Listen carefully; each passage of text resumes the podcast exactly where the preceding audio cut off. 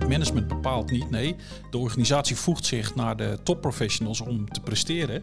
En die topprofessionals willen graag hybride werken. Daar zie je ook de omslag van het sturen op aanwezigheid naar verbinding, vertrouwen. Dan moet je dus als teammanager vaardig zijn in je communicatieskills, vaardig zijn in je digitale skills. Je moet dingen kunnen organiseren, want het is jouw taak om de ploeg bij elkaar te houden. Wat we ook veel zien is dat we een traject ook knippen in. Wat moet je het komende jaar doen? Wat moet je de komende twee tot drie jaar doen? Wat verwachten we eigenlijk over vijf tot tien jaar nodig te hebben? Moet je voor iedere taak en elk overleg eigenlijk nog wel naar kantoor toe? Nee, stellen steeds meer organisaties. Daar krijgen medewerkers de vrijheid om hun werkplek flexibel in te richten. Deels op kantoor, deels thuis en soms op een andere plek die dan logisch is. Het type werk bepaalt de locatie. Ik ben John van Schagen en dit is De Wereld van Werken. Een podcastserie die je wordt aangeboden door Juno, het adviesbureau voor nieuwe manieren van werken. Met in deze aflevering dus hybride werken. Twee mensen die daar hun specialisme van gemaakt hebben zijn Marco van Walstein en Nick Lettink. Beide werkzaam als adviseur bij Juno. Laten we deze podcast eens beginnen met een definitie. Want hybride werken, wat betekent dat nou eigenlijk concreet? Marco legt uit. Nou ja, hybride werken, waar de meeste mensen het natuurlijk van kennen, is dat je op uh, thuis en op kantoor werkt. Maar dat is nog maar één aspect ervan. Betekent ook dat je uh, met elkaar digitaal werkt. Dat hebben we natuurlijk in de coronatijd allemaal met elkaar gezien. En als laatste, wat nog veel vergeten wordt, is dat je afspraken maakt hoe je dan met elkaar werkt. Want een deel van de mensen zit op kantoor en een deel van de mensen is thuis aan het werk of onderweg aan het werk. En dat afspraken maken met elkaar, daar ontbreekt het nog wel eens aan? Daar ontbreekt het heel veel aan. Heel veel zelfs? Absoluut. Ja, daar komen, dat komen jullie veel tegen? Daar komen wij heel veel tegen. Dus uh, Nick, als ik zeg deels kantoor, deels thuis werken, dat is dan iets te kort door de bocht?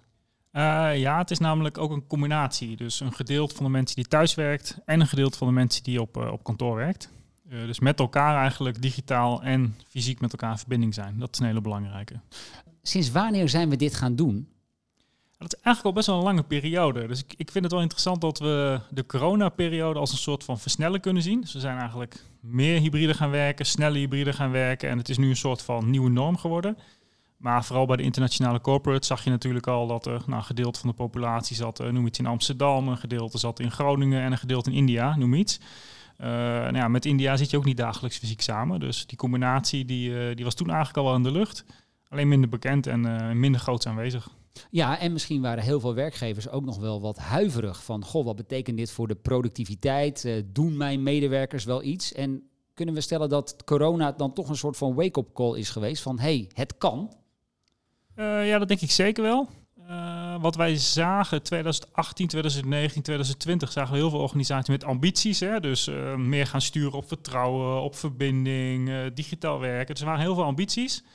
Alleen de realisatie daarvan, nou, die bleef nog wel eens achter. nou, in coronatijd moest iedereen. Dus we zien eigenlijk dat het een soort van, het is een soort opengebroken. Dus in één keer kan alles. En waarom zouden organisaties hier eigenlijk naar moeten streven, Marco? Nou, het is eigenlijk een flexibilisering van werk, wat al, veel langer gaande is. Uh, we hebben nu pas net na corona de term hybride werken erop geplakt. Hè? Dat is nieuw. Dus, maar dat, het was natuurlijk al eerder gaande, noemden we het flexibel werken, telewerken, thuiswerken hebben we het allemaal genoemd. Uh, omdat eigenlijk dat nu een heel fijn uh, werkpatroon is, met name gericht op de medewerkers die een een betere balans werk-privé hebben, uh, minder in de file staan. En corona heeft bewezen dat de productiviteit van mensen daar niet, uh, niet onder leidt. Sterker nog, je moet zelfs oppassen dat mensen thuis niet nog harder gaan werken, uh, zodat je gaat overcompenseren eigenlijk. Dat er wel een goede balans blijft tussen werk en privé. Precies. Um, en is dit nu een tijdelijke trend of kunnen we spreken van een blijvertje?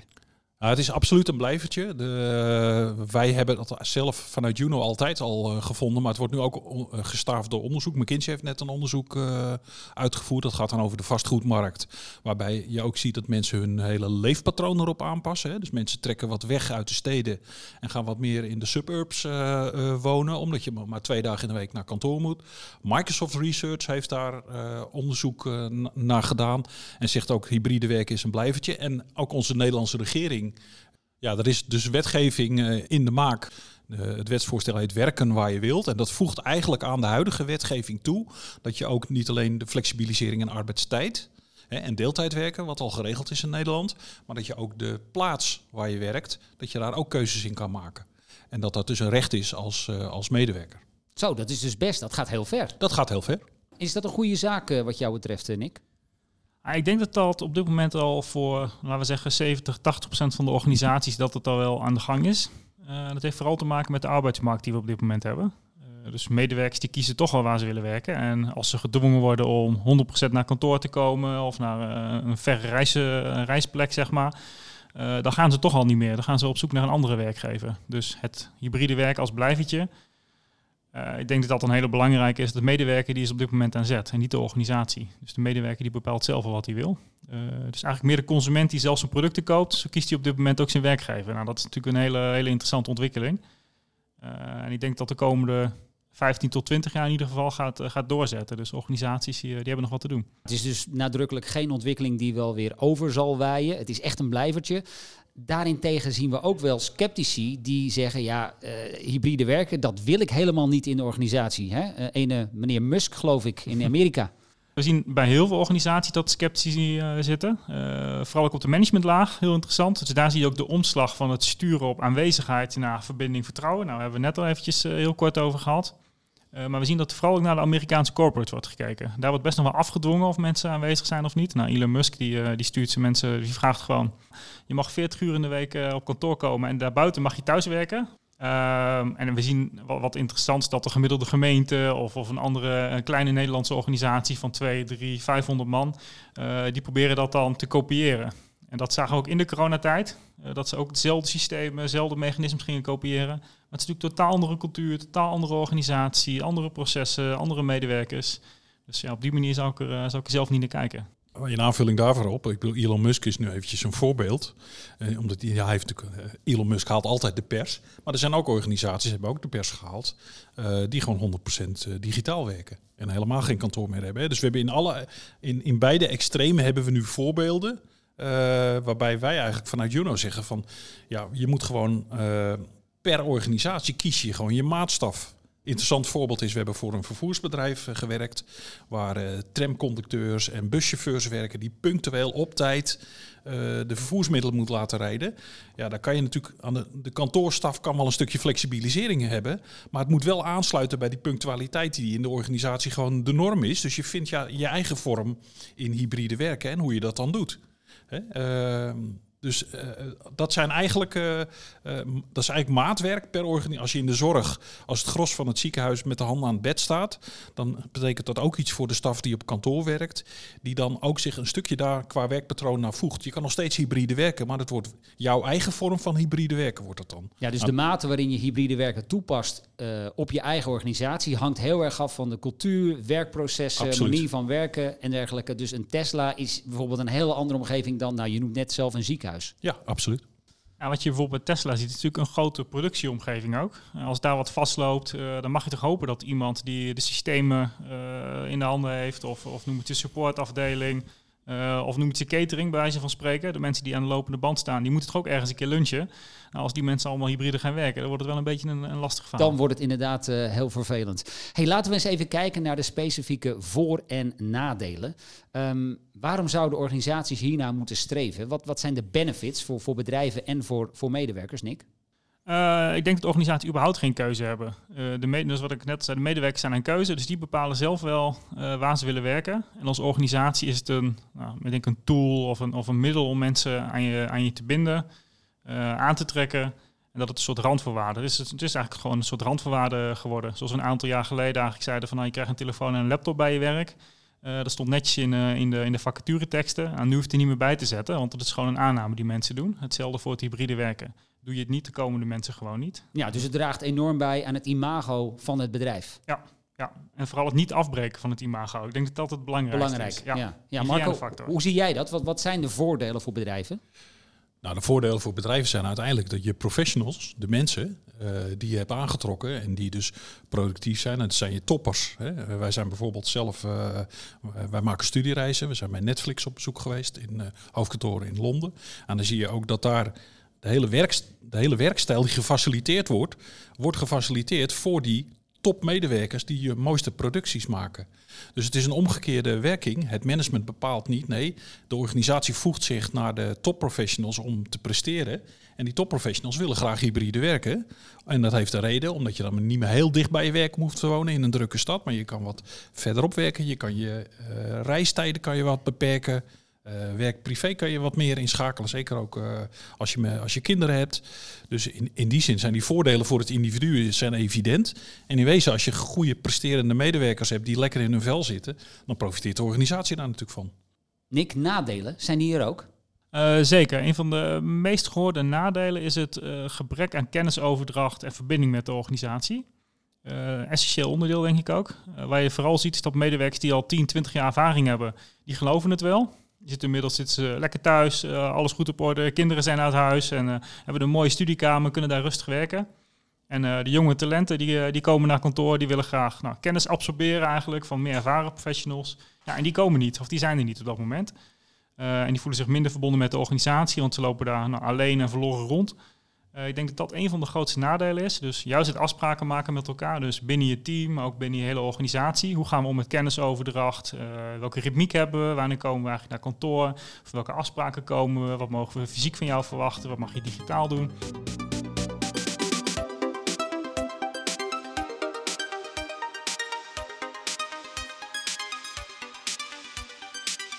Ja, het, het interessante is natuurlijk, en dat is een, soort vraag die een beetje boven de markt hangt. Uh, van doen we dit nou al voor het individu? Is het, uh, staat het individu voorop of staat het team voorop? Hè, dus op het moment dat jij een, een team bent, en je hebt allemaal jonge mensen aangenomen. Dan moet het team zorgen dat die mensen uh, gehecht worden met elkaar, uh, getraind worden, ervaring opdoen. Dus dat betekent dus dat je een stukje individuele vrijheid opoffert ten bate van het team. Nou, een bedrijf of een organisatie mag dat gewoon uh, verwachten. En daarom is het zo belangrijk dat je teamafspraken maakt. Het tweede aspect is, en dat is wat Nick net bedoelde, is dat je digitaal is veel meer dan het organiseren van teamsmeetings. En het vergt ook veel meer nu van managers die uh, bedrijven, organisaties die bijvoorbeeld intern nog weinig aan social media doen, ja, die hebben ook weinig middelen om in contact te komen.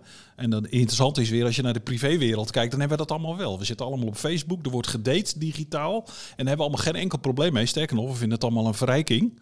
Maar binnen de organisatie moet je dus wat meer organiseren dan van nou we hebben teams en dan hebben we af en toe een meeting en hebben we het voor elkaar. Dat is nog niet voldoende om voor verbinding te zorgen. Je moet dus ook fysiek bij elkaar komen, maar je hebt ook meer digitale middelen. Hè? Waarom zouden leiders niet gaan bloggen binnen de organisatie om uh, kenbaar te maken waar, waar het bedrijf naartoe gaat? Nou, het is wat dat betreft net daten, hè? dus dat is misschien wel een mooie, uh, ja. een mooie die je net aanhaalt. Uh, je, je, gaat, je gaat in een app en je swipe een paar keer naar links en een paar keer naar rechts en je hebt je, heb je match gevonden eigenlijk. En dat doe, kun je eigenlijk digitaal in je organisatie ook doen. Je kan kennis zoeken bij elkaar, je kan even met elkaar chatten van hey, ik heb je deze informatie voor mij. Wil je toch echt even de diepte in met elkaar? Nou, dan ga je toch even een hapje eten of, of naar de bioscoop of een rondje wandelen. Uh, en zo zoek je je collega's eigenlijk ook op. Dus het is echt een combinatie tussen het en het fysieke wat je in een organisatie ook moet opzoeken. En in aanvulling daarop, eigenlijk, uh, als je het op de keper beschouwt, vergt het het meest nu van management. En wij merken met name middelmanagement. Je, je zal maar teamleider zijn van een grote ploeg mensen. Dan moet je die fysiek gewoon niet allemaal meer uh, op kantoor komen bij elkaar. Dan moet je dus dingen gaan organiseren. En moet je dus als teammanager vaardig zijn in je communicatieskills, vaardig zijn in je digitale skills. Je moet dingen kunnen organiseren. Want het is jouw taak om de ploeg bij elkaar te houden. En dan stellen we dus als organisatie vast van hè, we willen hier iets mee. Um, hoe richt je dat hybride werken dan vervolgens goed in? En hoe helpen jullie organisaties daarbij? Nou, dat doen we. We kijken eigenlijk, uh, het liefst kijken wij vanuit een uh, wat meer overal perspectief. Hè? Dat we zeggen, hoe wil je hybride werken? Dat we eerst eens met de leiding gaan zeggen, wat is een haalbare werkstijl voor jullie? Hè? Waar, wat, want dat is de kapstok waarop we vervolgens de rest inrichten. Uh, nou, en de rest inrichten betekent dan, nou, hoe passen we ons kantoor aan op wat we dan wel op kantoor doen? Hè? Als kantoor geen werkplek meer is, maar een, uh, ingericht wordt op ontmoeten, dan moeten we het kantoor ook een stuk verbouwen en, uh, en, en daarvoor inrichten. Welke digitale middelen hebben en hoe kunnen we naast Teams nog meer digitaal verbinding met elkaar leggen? Wat vergt dat van gedrag? En vervolgens kijken we van, ja, maar hoe gaan we dat in de cultuur doen? En hoe, hoe helpen we over het algemeen dus bijvoorbeeld teammanagers, hoe je dit moet sturen? Hoe moet je nou die ploeg bij elkaar houden? Wat moet je nu doen? En je hebt ook nog de harde kant van, hebben we ook nog wat spelregels die we zaken, samen met HRM opstellen. Van ja, we hebben wat spelregels voor hybride werken, wat we wel, waar we ons wel met elkaar een beetje aan moeten houden. Dus het is een heel scala aan maatregelen uh, wat je neemt, om dat er gewoon op een goede manier neer te zetten. Waarbij het allerbelangrijkste is, en dat is vaak onze rol, is dat we die disciplines verbinden in de organisatie. HR, uh, eh, facilitair en huisvesting en uh, digitaal ICT. Waarom zou ik dat als organisatie niet zelf kunnen, Nick? Nou, wat we in de praktijk zien is dat de verschillende disciplines, HR, ICT, facilitair, die zijn eigenlijk allemaal met hun eigen projecten bezig, hun eigen toekomst of nou, welke middelen hebben we nodig, hoe moet die omgeving eruit zien. En vooral het verbinden van die verschillende disciplines aan elkaar, nou, dat, dat blijkt in de praktijk nog best wel lastig te zijn. Uh, en wij zijn wel van mening dat je vanuit het topmanagement uh, wel een visie moet hebben op hoe ga je de komende vijf tot tien jaar werken. En wat is daarvoor nodig? Welke mensen hebben we nodig? Uh, welke processen moeten we volgen? Welke ondersteuning is daarvoor nodig? terwijl het vaak best wel laag in de organisatie wordt belegd. En dan wordt er een fantastisch kantoor ontwikkeld, die misschien helemaal niet past bij de populatie over vijf of tien jaar. Uh, en daar kunnen wij dus mee helpen, omdat we daar veel Het is goed dat je daar een strategie op ontwikkelt. Ja, zeker. zeker want uh, we zien uh, heel, heel veel verschillende type organisaties die 10% krimpen per jaar, 10% groeien per jaar. vooral ICT'ers nodig hebben, vooral productie moeten opschalen. En die hebben totaal andere processen, een totaal andere omgeving nodig. en door de ervaring die wij hebben, kunnen we dat mooi, mooi inbrengen. Heb je dan vervolgens, Marco, ook een voorbeeld van wat het een organisatie kan brengen? Ja, het belangrijkste voorbeeld is de, het, het aantrekken en behouden van mensen. Dat is eigenlijk de belangrijkste graadmeter uh, nu. Uh, wij merken, waar wij vroeger veel uh, opdrachten kregen vanuit facilitair en ICT, krijgen wij nu ook steeds meer opdrachten vanuit HRM. met als doel van hoe maken we de organisatie aantrekkelijker. en wordt het dus ook echt ingestoken vanuit, we willen een, een, een fijne sexy organisatie zijn voor personeel. en we willen ook meer mensen aannemen, want het is, gaat bij ons moeilijk. En dus je ziet dat de drijfveren van die organisatie veranderen. Uh, en dat daar dus op gemeten en gescoord uh, gaat worden.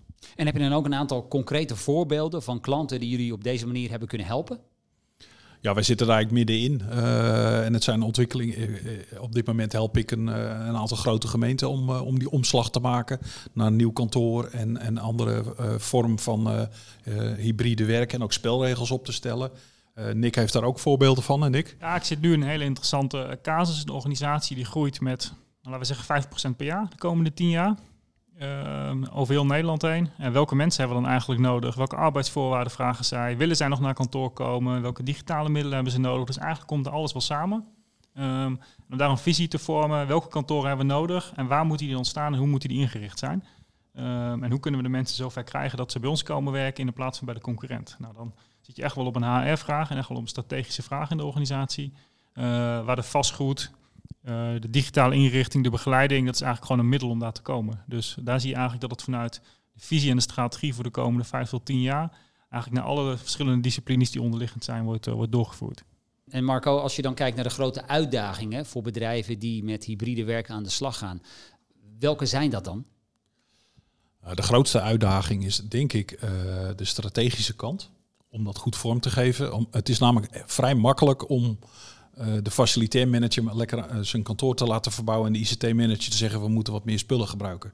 Hè, maar uh, de, de, samenhang gaat het om die je zoekt. Maar dat betekent dus dat topmanagement ook aan de bak moet. En dus een, een, visie moet vormen. Zo willen we gaan werken, dit willen we bereiken met elkaar. En dat dat dan doorvertaald wordt naar de, de vakdisciplines van, om een integraal plan te maken. Daar zit echt de uitdaging. En dat zie je, de ene organisatie doet dat heel succesvol. Uh, en adverteert er ook mee. Hè? Dus je, ziet het ook gewoon letterlijk in brochures en personeelsadvertenties. En je ziet meteen ook dat het zo'n organisatie zich aantrekkelijker voordoet. En andere organisaties die worstelen daarmee. Uh, mee, uh, en, en, en, proberen eigenlijk al klussend, dan zeg ik het wat oneerbiedig, dat zo'n beeld te bereiken. Zonder dat ze nou dat als het ware ook goed in de etalage leggen. Dat klinkt als denk goed na voordat je hiermee aan de slag gaat. En zet niet ergens even een een fancy eh, bureautje neer en denken dat het daarmee is opgelost. Ja, je, moet, je moet er echt wel goed over nadenken. En buiten het nadenken en het ook echt implementeren, dus het echt doen, ook het borgen na die tijd. Uh, een van de onderzoeken die we hebben gedaan uh, vorig jaar uh, was een interessante organisatie met volgens mij 7000 medewerkers. Die kwamen, kwamen tot de conclusie dat 60% van die teams maar afspraken had gemaakt. En van die 60% had, had 50% hield zich nog maar aan die afspraken. En er, was eigenlijk niemand meer, en er was eigenlijk niemand meer bezig en niemand meer verantwoordelijk om ook te zorgen dat die afspraken nou, opnieuw werden gemaakt, geborgd werden, dat het ook nou, een onderwerp van gesprek blijft. Dus je kan het nog zo mooi doen en nog zo mooi uitvoeren, maar je moet ook na die tijd wel met elkaar aan de slag gaan in gesprek. En betekent dat dat je daar dus iemand voor aanwijst die, dat, uh, die de verantwoordelijkheid daarvoor neemt? Ja, en dat kan één persoon zijn. Uh, met bijvoorbeeld is dat gewoon een team van mensen van nou, digitaal werken, HR, facilitair. En misschien iemand die daar als een soort paraplu boven hangt en die kijkt, zijn die eigenlijk die drie disciplines nog met elkaar in gesprek? En doen we nog de juiste dingen? En zien we ook dat de afspraken die we hebben gemaakt, dat die ook worden nageleefd? Of moeten we nog een nieuwe ronde maken? En, uh, dus, dus de financiering en de, de inspanning die je aan de voorkant doet, vergeet niet dat er na die tijd ook nog wat komt. En als je dan als bedrijf zo'n hybride werkmodel hebt geïmplementeerd, doet dat ook nog iets met de cultuur, Marco? Uh, ja, is een goede vraag. Uh, want uh, je hebt een cultuur. en je wil die cultuur vooral met die nieuwe werkvorm behouden. En misschien zelfs al dat die een stukje nog opgekrikt wordt, om het maar zo te zeggen. Dus het is vooral dat het bijdraagt aan de cultuur die je wil hebben. Dus als jij een, een bedrijfscultuur hebt waar zeg maar uh, heel goed in teams gewerkt wordt en, weinig hiërarchie is, nou, dan komt dat terug in dat hybride werken. Maar je moet er wel dan dingen blij gaan doen om die teamcultuur uh, te behouden. En niet dat je een soort uh, laissez-faire hebt. En dat is een van de gevaren die wij nu al zien, is dat op de middelenkant wordt wel geacteerd. Maar op de afsprakenkant, dan zien we heel grote verschillen ook per bedrijf. Ja. Het, het elkaar aanspreken, uh, is lastig. Maar dit gaat dus over gedrag. Dit gaat over gedrag. En absoluut. daar komen jullie toch ook bij kijken? Daar komen we bij kijken en daar adviseren we ook in en we begeleiden. Uh, maar uiteindelijk is het natuurlijk de verantwoordelijkheid van het topmanagement om te zeggen wij gaan hier wel met elkaar afspraken maken en ook op de zeepkisten gaan staan om die afspraken ook te gaan maken. En dat zien we niet overal. Dus we zien ook nog wel dat, dat daar een huivering is en dat alle instrumenten zijn er, maar de afspraken, ja, dat is toch wel een beetje. Dat blijft een dingetje. Dat is, hè, we hadden vandaag nog een, of er is nog een nieuwsbericht dat we nu naar de, in de Dido-economie uh, maatschappij terecht zijn gekomen. Ja, dinsdag, donderdag. De, dins, de dinsdag, donderdag, hè, omdat uh, we eigenlijk uh, niet zeggen van oh, de maandag moeten we en de woensdag zouden we ook bepaalde teams op kantoor moeten hebben. Nou, dat is een mooi voorbeeld ervan dat we het aanspreken wel lastig vinden, omdat we ook bang zijn dat we mensen voor het hoofd stoten. En dat ja. we daar dus weer onaantrekkelijker mee worden. Ja, je, ziet, je, ziet, eigenlijk dat een traject uh, gericht op hybride werken best wel wat zaken blootlegt die er misschien al wel jaren zijn. Een manager die zijn medewerkers niet durft aan te spreken, medewerkers die elkaar niet durven aan te spreken. Uh, een te groot vastgoedportfolio die alleen maar op dinsdag en donderdag gevuld is. Ja, vinden we dat erg of niet? Of vinden we het prima dat het alleen op dinsdag en donderdag gevuld is? Omdat we in ieder geval genoeg ruimte hebben om als aantrekkelijk werkgever altijd een werkplek te kunnen bieden. Uh, dus dat soort gesprekken moet je met elkaar gewoon even, even voeren aan de voorkant. Um, tot slot wil ik van jullie allebei weten, uh, als organisatie, ik wil hier morgen al mee beginnen. Hoe doe ik dat, Nick? Uh, ja, ik zou zelf beginnen met nadenken, hoe gaan we de komende vijf tot tien jaar werken? welke mensen heb ik nodig? Wat verwachten die mensen van mij?